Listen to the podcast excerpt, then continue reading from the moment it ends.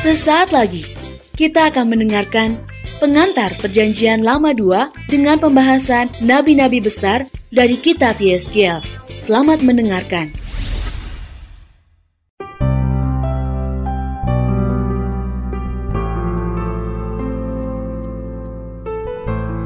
Pembahasan kali ini terambil dari Yeskiel pasal 34 ayat 1 sampai dengan 31.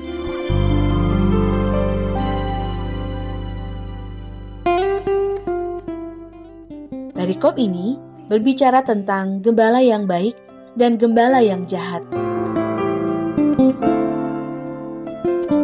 Nabi Yeskiel menyampaikan dengan keras bahwa pada saat itu di Israel memiliki gembala yang jahat, termasuk nabi, imam, dan raja.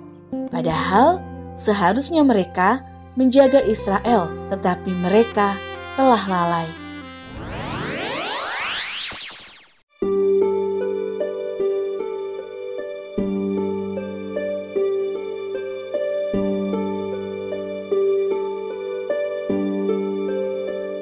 Gembala-gembala yang jahat itu tidak memperhatikan dan memperdulikan bagaimana domba-dombanya.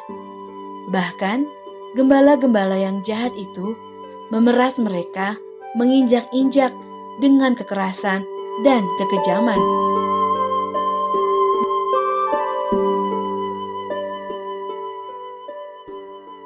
Bukankah kawanan domba yang seharusnya digembalakan oleh gembala-gembala? Seharusnya demikian tetapi mereka tidak melaksanakan tanggung jawab mereka.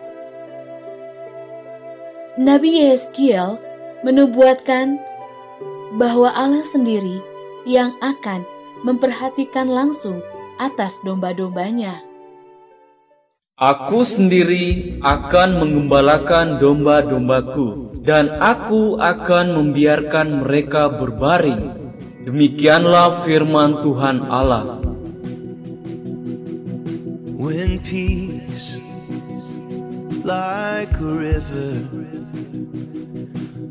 yang hilang akan kucari, yang tersesat akan kubawa pulang, yang luka akan kubalut, yang sakit akan kukuatkan, serta yang gemuk dan yang kuat akan kulindungi.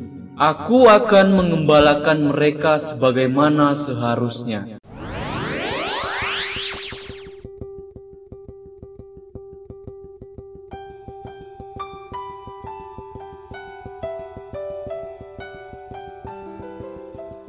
walaupun domba-domba telah tercerai berai, Allah akan mencari dan akan membawa mereka pulang, yaitu ke tanah perjanjian. Di sana mereka akan makan rumput yang subur di bawah pengawasan penuh kasih dari Allah. Di pasal terakhir, Allah berfirman, "Aku akan menjadi gembala yang baik." Itulah yang diambil alih oleh Yesus Kristus, bukan? Akulah gembala yang baik. Ketika ia kontraskan dirinya dengan gembala yang jahat.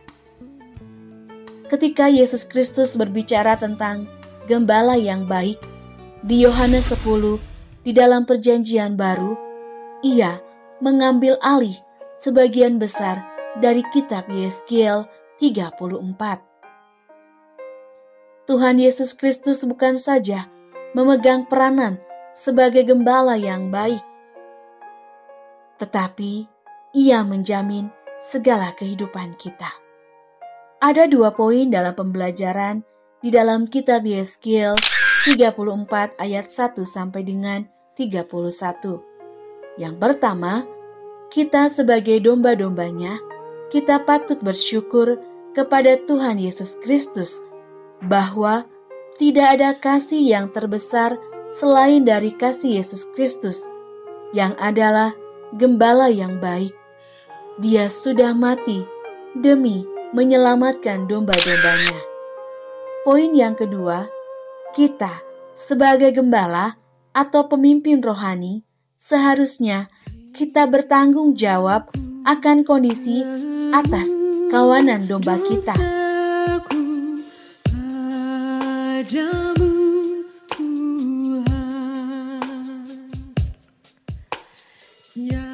Kita tidak hanya memikirkan kepentingan pribadi, tetapi kita sebagai gembala atau pemimpin rohani, kita seharusnya menolong jemaat, membimbing, dan mengarahkan jemaat untuk menyerahkan dirinya secara utuh kepada Yesus Kristus.